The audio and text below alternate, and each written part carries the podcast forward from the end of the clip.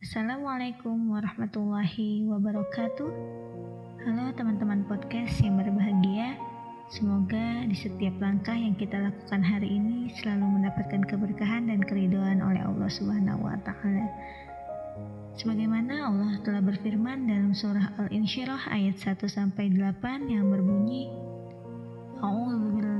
minasyaitonirrajim. Bismillahirrahmanirrahim.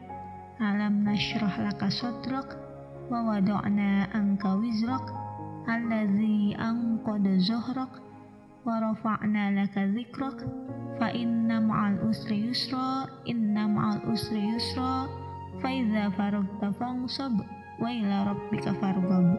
Yang artinya bukankah kami telah melapangkan untukmu dadamu dan kami telah menghilangkan daripadamu bebanmu yang memberatkan punggungmu.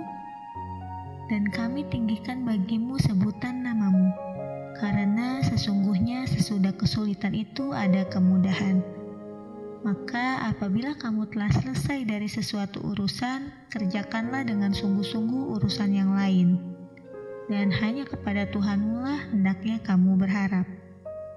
Baik sahabat fillah, dari surah di atas mengingatkan kepada kita bahwa sesudah kesulitan pasti ada kemudahan. Janganlah bersedih, karena kesedihan hanya akan membuat musuh gembira, kawan bersedih, dan menyenangkan pendengki.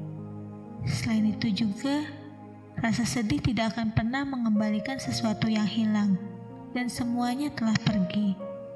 Kesedihan akan membuatmu khawatir dengan segala kemungkinan di masa yang akan datang, serta akan menyia-nyiakan kesempatan hari ini.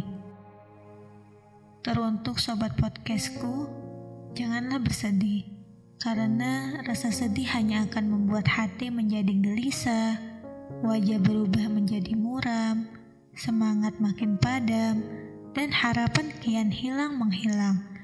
Dan rasa sedih itu datangnya dari setan. Kesedihan adalah putus asa yang menakutkan, kefakiran yang menimpa, putus asa yang berkelanjutan, depresi, dan kegagalan yang menyakitkan.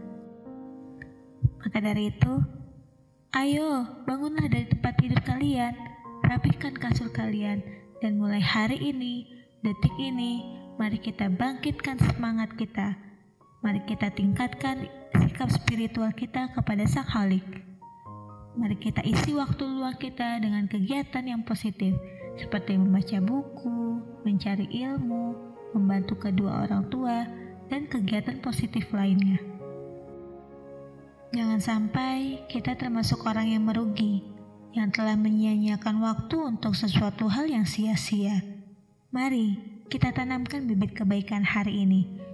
Esok lusa, percayalah, apa yang kalian kerjakan hari ini itu diri kalian di masa yang akan datang. Sekian podcast dari aku, kurang lebihnya mohon maaf. Thank you for listening. See you next time and bye-bye. Wassalamualaikum warahmatullahi wabarakatuh.